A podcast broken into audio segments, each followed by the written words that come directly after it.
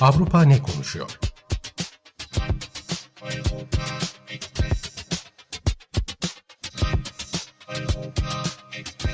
Avrupa medyasından yorumlar.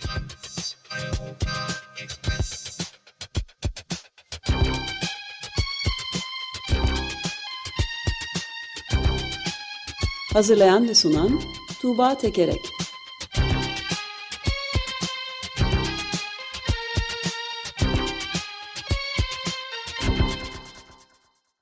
Günaydın Tuğba, merhabalar. Merhaba Ömer Bey. Günaydın. Günaydın Özdeş. Avrupa ne konuşuyor? Ee, Avrupa ne konuşuyor? Ee, biliyorsunuz biz Eurotopics olarak e, Avrupa'nın 32 ülkesindeki gazeteleri, dergileri, internet sitelerini, buralardaki köşe yazılarını ta tarıyoruz ve önemli gündem maddelerini alıp bülten olarak okurlarımıza gönderiyoruz. E, internette yayınlıyoruz ve Türkçe dahil 5 dilde yapıyoruz bunu. E, Eurotopics ile ilgili kısa bu tanıtımı yaptıktan sonra şey söyleyeyim. Bu 32 ülkede medyalarında bugünlerde en çok konuşulan konulardan bir tanesi hiç şüphesiz aşı meselesi. Ee, Avrupa e, aşı erişimi var ve dünyada aşılama oranlarının en yüksek olduğu ülkeler Avrupa, Avrupa'da büyük ölçüde.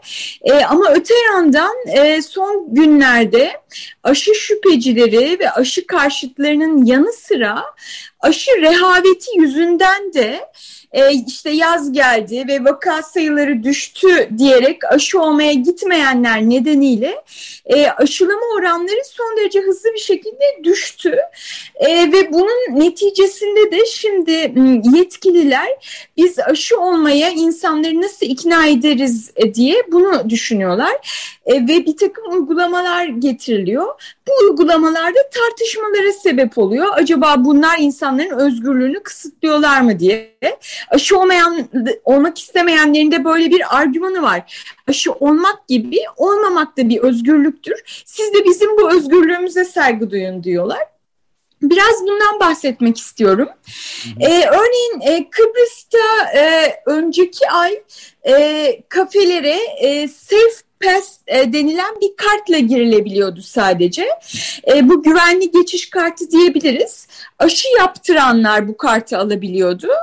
E, ayrıca işte e, PCR te, test yaptırdıysanız ve testinizde korona olmadığınız, bu virüsü taşımadığınız ortaya çıktıysa girebiliyorsunuz.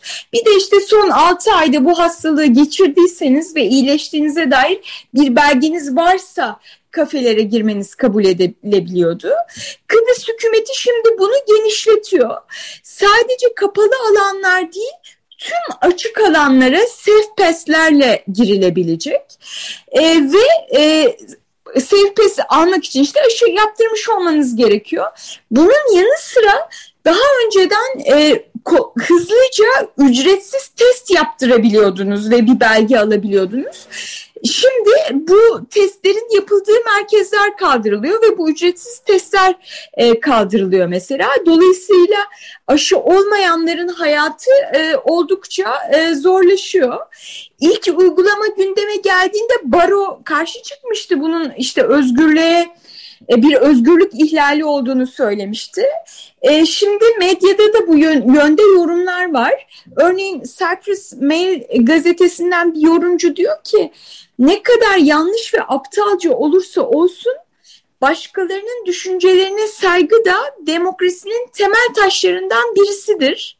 Şimdi gördüklerimiz totaliter rejimlerin merkezi planlamasını anımsatıyor diyor mesela yorumcu.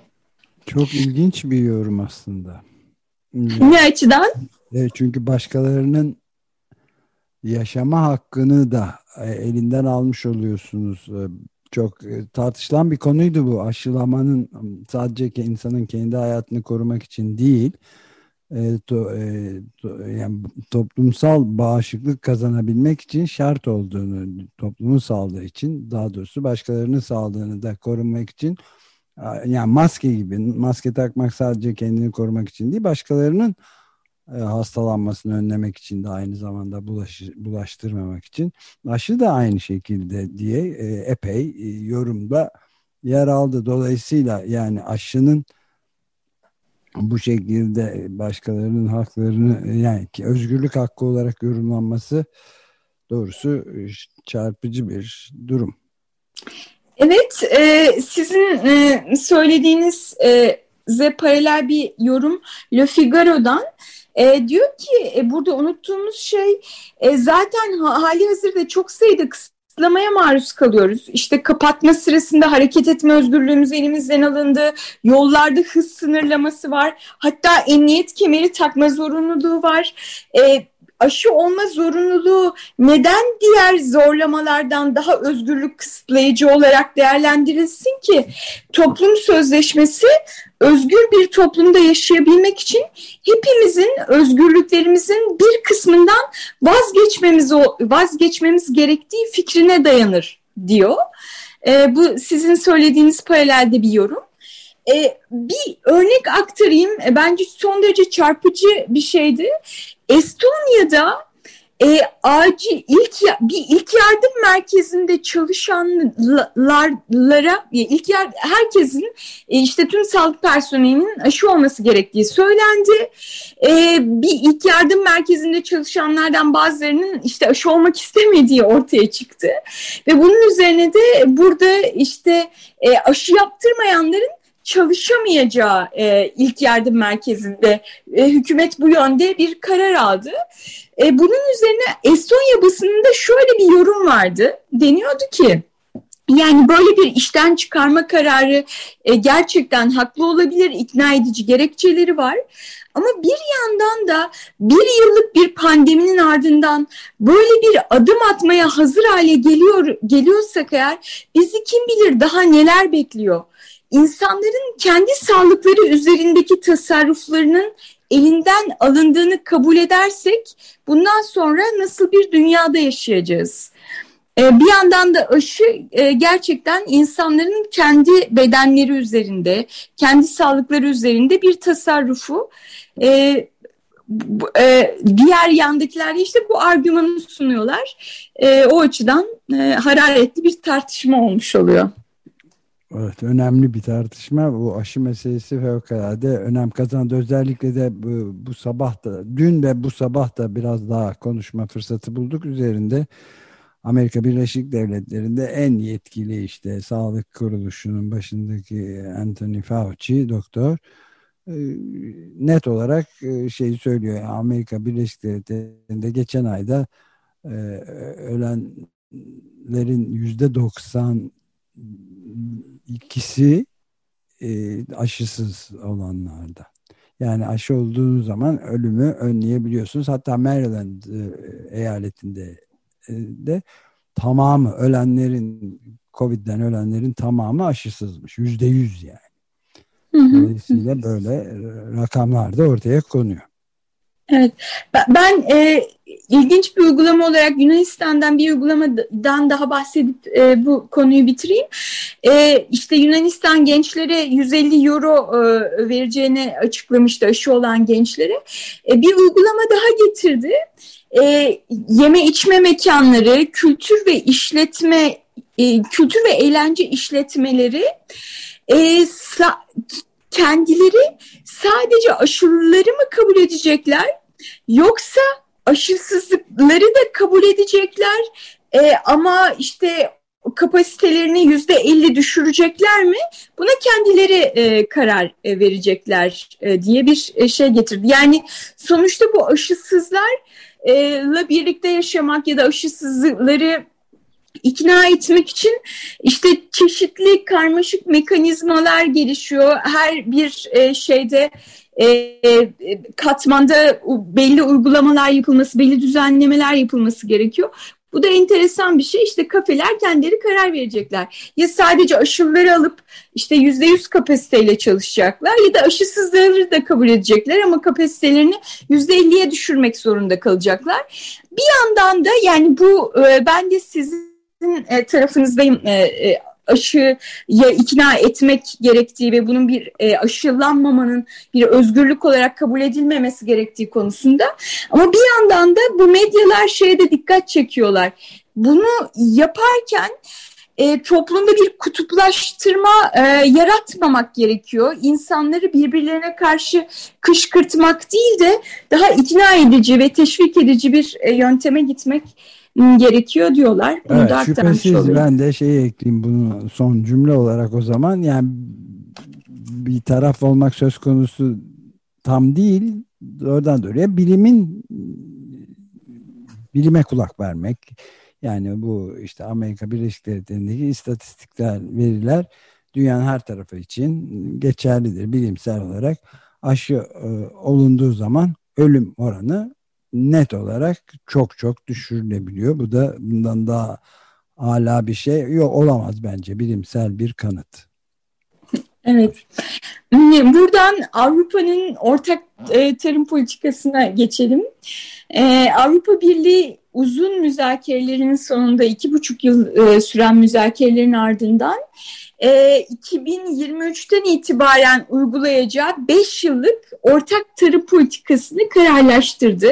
Bunun için bir ön anlaşmaya vardı. E, bu ortak tarım politikası 1962'den beri yürürlükte olan bir sistem.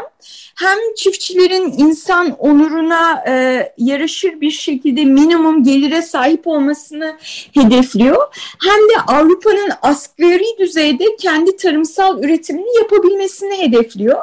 Ve bugün gelinen noktada e, Avrupa Birliği harcamalarının üçte birlik bir kısmı bu ortak tarım politikası çerçevesinde gerçekleşiyor. O yüzden de e, maddi bakımdan son derece önemli bir şey. E, şimdiye kadar hep e, işte büyük ölçekli yoğun tarımcılık yapanları desteklediği yönünde eleştiriliyordu. Ayrıca işte son 5-10 yılda da e, karbon emisyonlarını düşürecek e, tarıma e, yeterli kaynak aktarılmadığı için, biyoçeşitliliğin korunması için yeterli kaynak e, ayırmadığı için eleştiriliyordu. Dolayısıyla bu önümüzdeki 5 yıllık plana e, dikkatle bakılıyordu. E, açıklanırken işte e, artık Avrupa tarımını değiştiriyor bu ciddi bir dönüm noktası falan diye açıklandı. Ama öte yandan e, pek çok yorumcu, pek çok kurum, yeşiller bunun sadece bir kağıt üstünde reform olduğunu, anıtsal bir başarısızlık olduğunu ve dağın fare doğurduğunu söylüyorlar. Neden böyle söylüyorlar? Çünkü deniyor ki mesela ortak tarım politikasında işte Avrupa'nın sera gazı emisyonu hedefleriyle uyumlu olacak verilen teşvikler deniyor. Ama nerede, nasıl uyumlu olacak, nasıl bir bağlayıcılığı var bunun hakkında herhangi bir şey yok. E, deniyor ki verilen e, sübvansiyonların yüzde yirmisi sonra yüzde yirmi beşi ekosistemlere e, ayrılacak. Ama bu ekosistemler denen işte sera gazı emisyonunu düşürecek e, sistemler kim karar verecek? Ulusal hükümetler karar verecek. Yani zaten bu konuda işte özellikle Çekya'da çok yolsuzluk yapıldığı işte olay e, mahkemelere taşımış vaziyette. Yani ulusal hükümet diyor ki bu işte çevreci bir e, tarım üretimi. Tamam o zaman e, sübvansiyonlar bunlara dolayısıyla hiçbir e, bağlayıcılığı olmayan hiçbir somut e, kazanımı olmasının mümkün olmadığı bir e, politika bu diye e, yoğun şekilde eleştiriliyor. Ben Almanya'dan Deutschland e, Funk gazetesinden bir yorum aktarayım. Paranın önemli oranı hiçbir kriter olmaksızın dönüm başına dağıtılacak.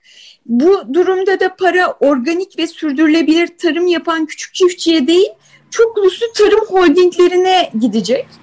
Ayrıca işin üzücü yanı tarım alanında varılan uzlaşmanın yeşil mutabakatla uyumlu olmaması, örneğin daha az böcek zehri ve gübre kullanımı nasıl hayata geçirilecek hiçbir şey belirli değil bu konuda. Sanayi devasa bir dönüşümün altında kalkmak zorundayken tarıma göz yumuluyor. Bu hem adil değil hem de iklim politikaları açısından tam bir felaket. Evet ben de şeyi ilave edeyim yani gerek yeşil partiler gerek e, çevre aktivistleri gerekse de NGO'lar STK'lar yani sivil toplum kuruluşları tam da senin dediğin gibi yorumlar yaptılar ve bu katlanılamaz e, büyük bir skandaldir Avrupa tarım politikası CAP diye adlandırılıyor.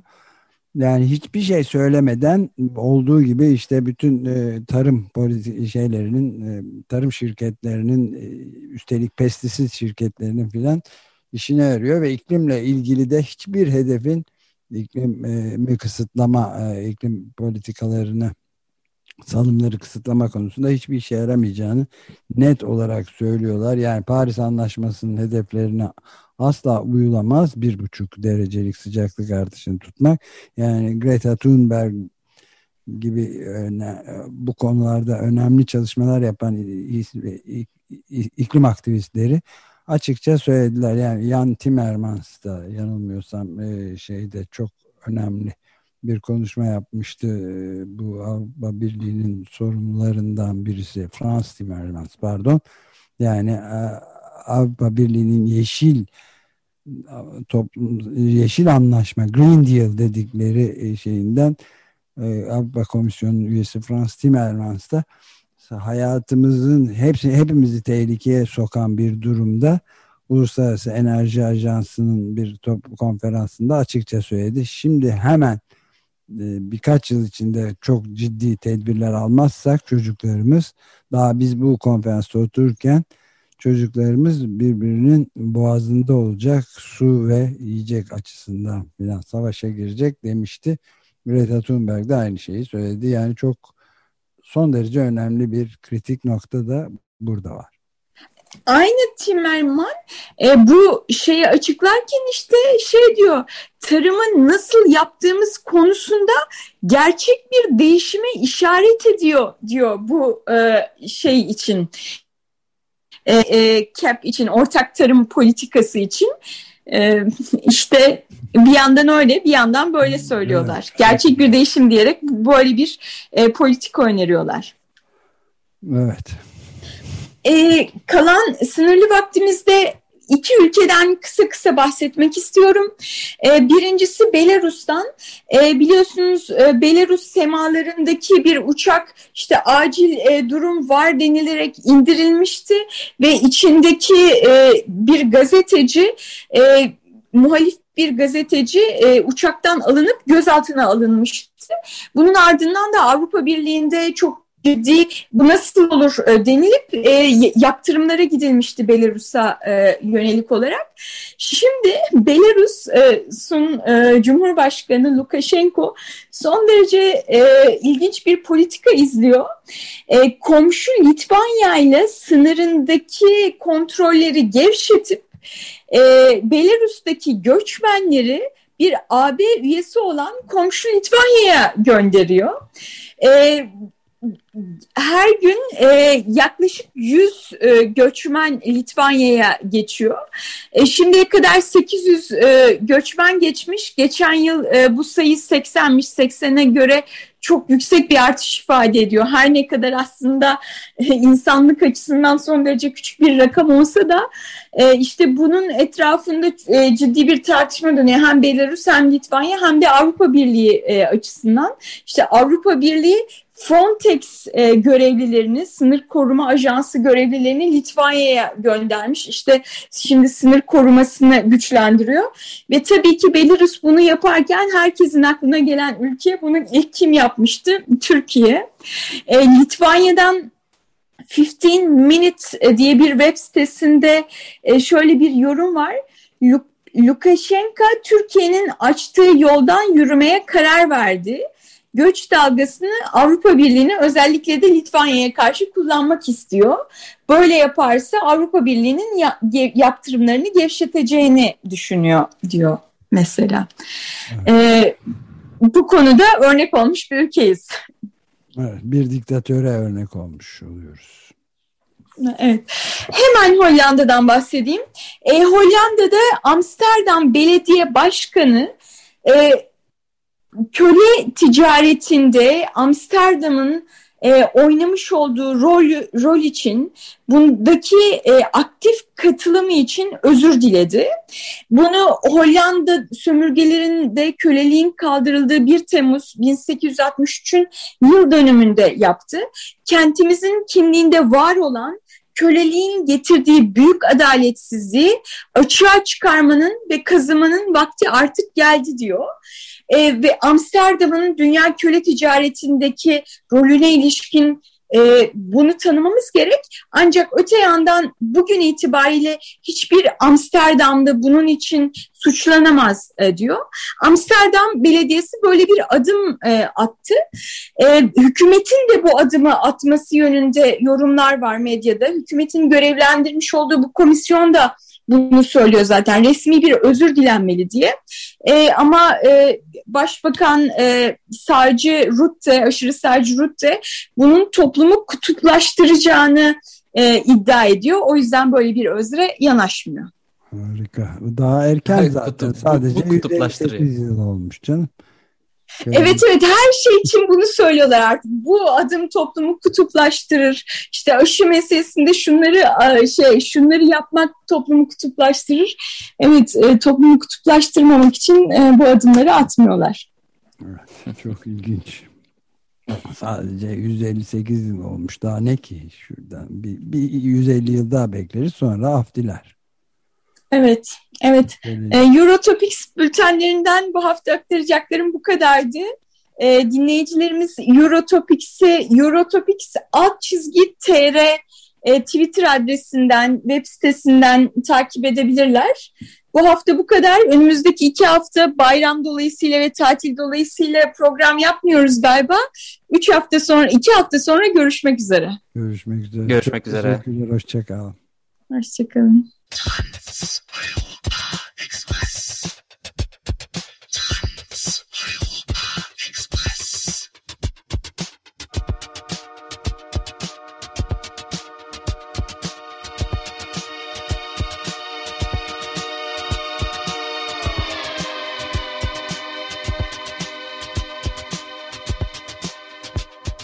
Avrupa ne konuşuyor?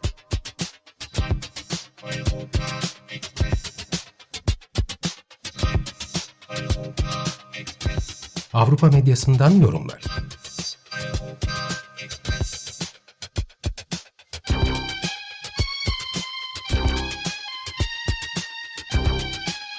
Hazırlayan ve sunan Tuğba Tekerek